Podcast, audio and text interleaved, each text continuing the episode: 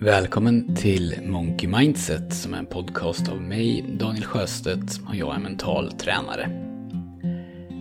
Idag så kommer jag att fortsätta prata om vanor. I det förra avsnittet så sa jag att en vana anses bestå av tre delar.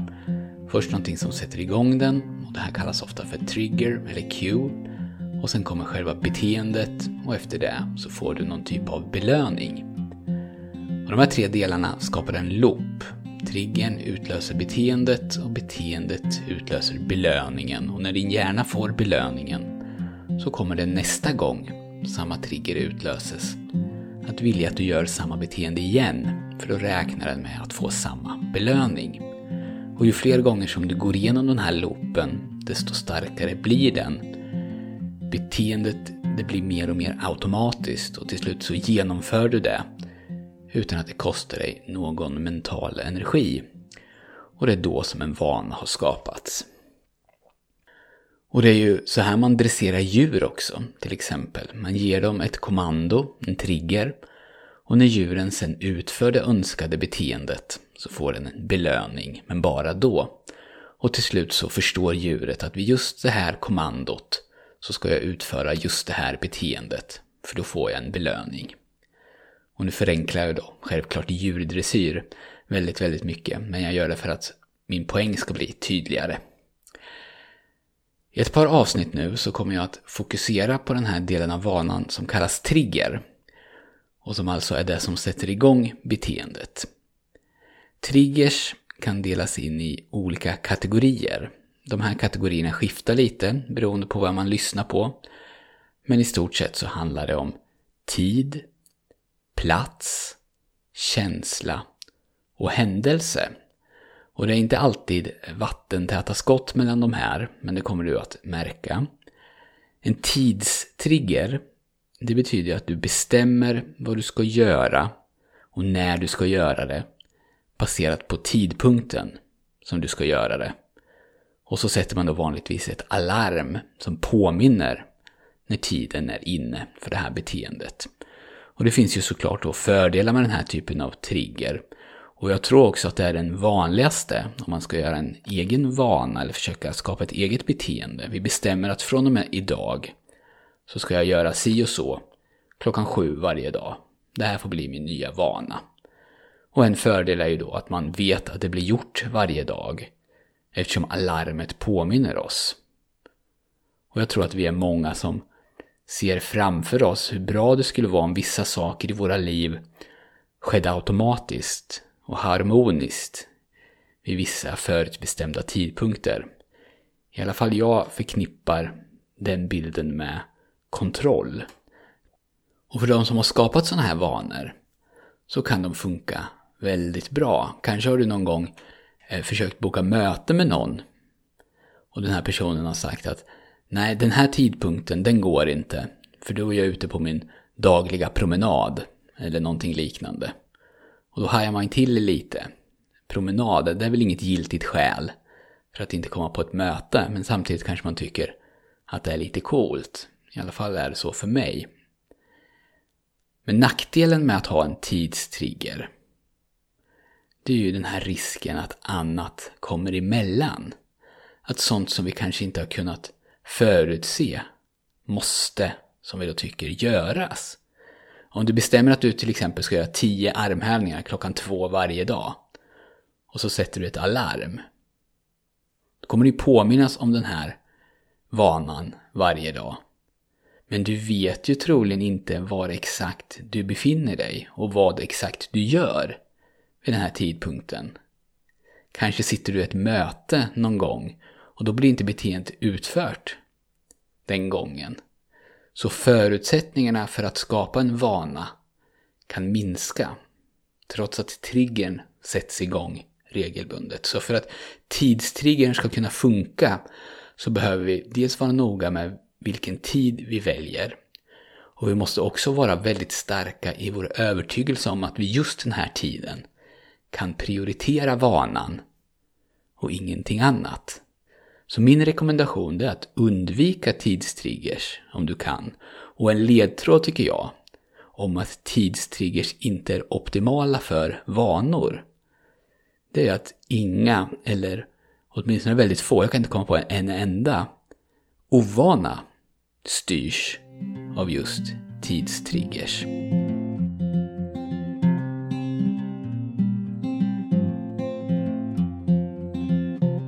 Nästa kategori av triggers, det är platstriggers. Och det är precis som det låter. Varje gång du befinner dig på en viss plats så utför du ett visst beteende. En ovana kan ju se ut som så att när man går in i köket så öppnar man automatiskt skafferiet och kollar vad som finns där. Och finns det kakor så kanske man gärna tar en. Och i plats så ingår också miljö. Och platsen och miljön som vi befinner oss i, det är en av de viktigaste faktorerna som styr våra beteenden. Och det här är ett av skälen till att det är så svårt för oss att förändra våra beteenden. För ofta så rör vi oss i samma miljö och vi har rört oss i samma miljö under en lång tid.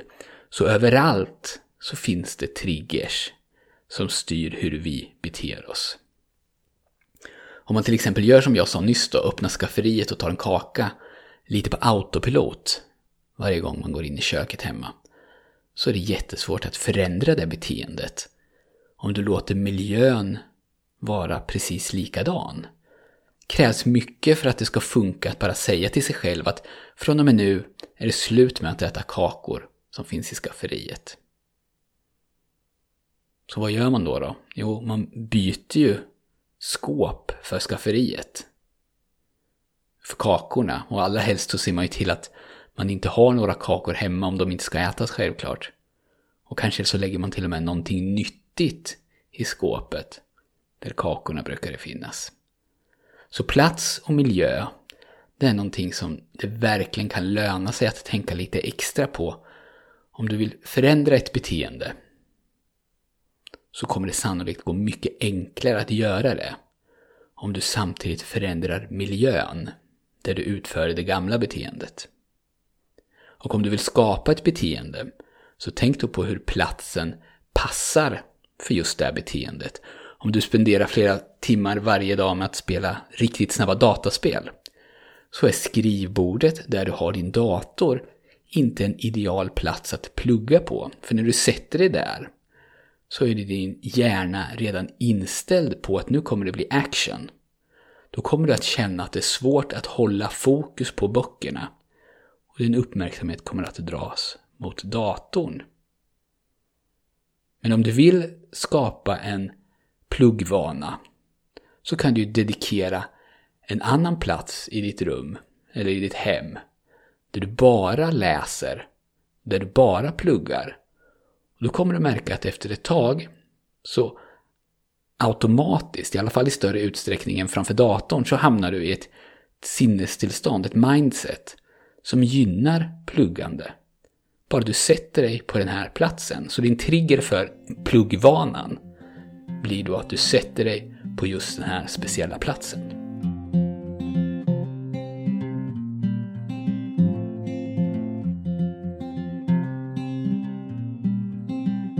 Nästa kategori är känsla eller sinnestillstånd. Och som du säkert vet så är det här något som spelar väldigt stor roll vid vanor som bildas automatiskt, till exempel ovanor. Men att använda en känsla eller ett sinnestillstånd för att skapa nya vanor kan jag inte komma på något jättebra exempel på, utan här handlar det snarare om att bli medveten om vilka känslor som driver vilka beteenden hos dig och vilka känslor eller sinnestillstånd som hindrar dig från att utföra sådana beteenden som du vill ha.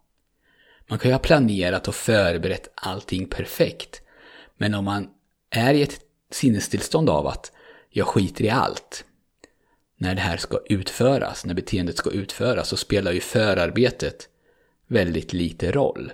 För vissa av oss så blir det då inte gjort.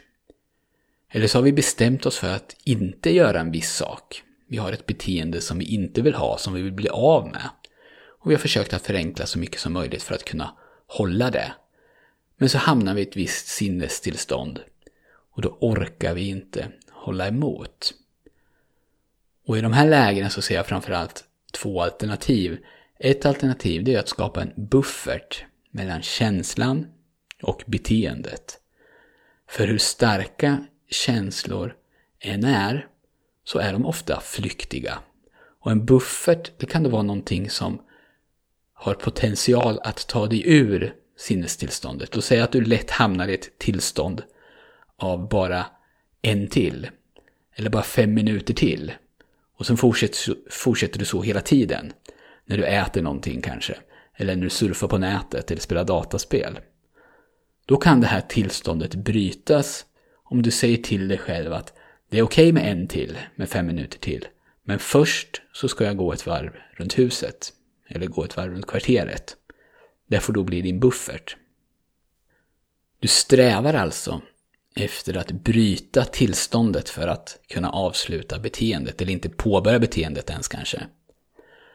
Och när du har den här känslan, som är så stark att det nästan känns som ett beroende, att du måste in på datorn, så kan du säga att innan du loggar in på datorn så ska du gå en promenad runt kvarteret. Och var då beredd på att risken är väldigt stor att du struntar i promenaden för att du känner att den ändå inte kommer hjälpa. Men gör inte det, för som jag sa förut så är känslor väldigt starka, så när du är inne i dem så känns det inte som att någonting kommer att kunna hjälpa dig hålla emot och när du är inne i dem så kanske du inte ens vill hålla emot just i den stunden. Men känslorna är ju också flyktiga, så om du skapar tid genom en buffert så kanske det har lagt sig när du kommer tillbaka. Och om bufferten inte funkar, du kanske har testat lite olika, så behöver du gå tillbaka och analysera vad triggar igång det här sinnestillståndet som du inte lyckas ta dig ut. Varför händer det? Och finns det något sätt att kontrollera det? Och det här kan ju förstås vara ett jätteomfattande jobb där du kanske till och med behöver ta hjälp.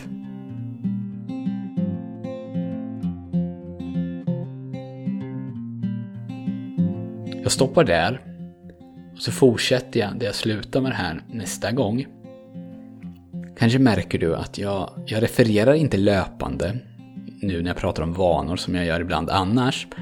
Eh, jag har läst så mycket om vanor så det är svårt att veta exakt varifrån varje sak kommer. Men om du är intresserad av vanor, vad det är för något och hur de kan skapas, så tänkte jag ge dig några ställen som du kan börja på. Det finns en bok som heter The Power of Habit, Vanans kraft. Och den är skriven av Charles Duhigg. Den är väldigt bra och den kan jag rekommendera. Och det finns också en annan bok som heter Mini Habits som är skriven av en kille som heter Steven Geis. Och den är också bra och Steven Geis har, han har tagit den här boken och gjort den till en kurs på udemy.com. Udemy, det är en plattform för onlinekurser. U-D-E-M-Y.com. Och det är en jätterolig kurs att gå om man vill lära sig mer om vanor. Och jag vill också rekommendera webbsidan jamesclear.com. James Clear, han skriver mycket om beteenden och vanor och han håller, jättebra koll på vad som händer. Och så vill jag till sist också eh, nämna BJ Fogg. Han är forskare på Stanford, jag har pratat om honom tidigare tror jag. Och mycket av det som han kommer fram till i sin forskning refereras det till i de här tidigare referenserna. Och googlar du BJ Fogg så kan du hitta lite mer.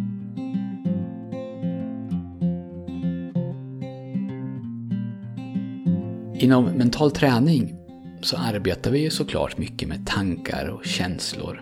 Och vi jobbar också med vanor och beteenden. Och någonting som händer när man går igenom grundträningen och lär sig att slappna av väldigt djupt, både fysiskt och mentalt, det är att man blir mer medveten om att det går att skapa utrymme mellan en tanke eller en känsla och beteendet som följer. Man blir inte ett med sina tankar och känslor och beteenden utan om jag ska förenkla lite så skapas det en observatör som ser den här känslan och som erkänner den men som också kan låta den vara där utan att den nödvändigtvis behöver leda till ett beteende. Och den här observatören, det är ju en del av dig, har ju alltid varit. Men den kanske inte tidigare har varit så synlig. Den blir starkare och starkare ju mer man tränar och den fungerar som en mental buffert. En buffert som kan göra, göra det lugnare, tryggare och ge dig mer kontroll över dig själv. Och om du är nyfiken på mental träning så kan du få det som du behöver för att komma igång med den här grundträningen av mig. Och det kostar inget. På monkeymindset.se kan du fylla i din e-mailadress och då skickar jag dig de ljudfiler och instruktioner som du kan börja träna med. Det var allt för den här gången. Tusen tack för att du har lyssnat och så hörs vi snart igen.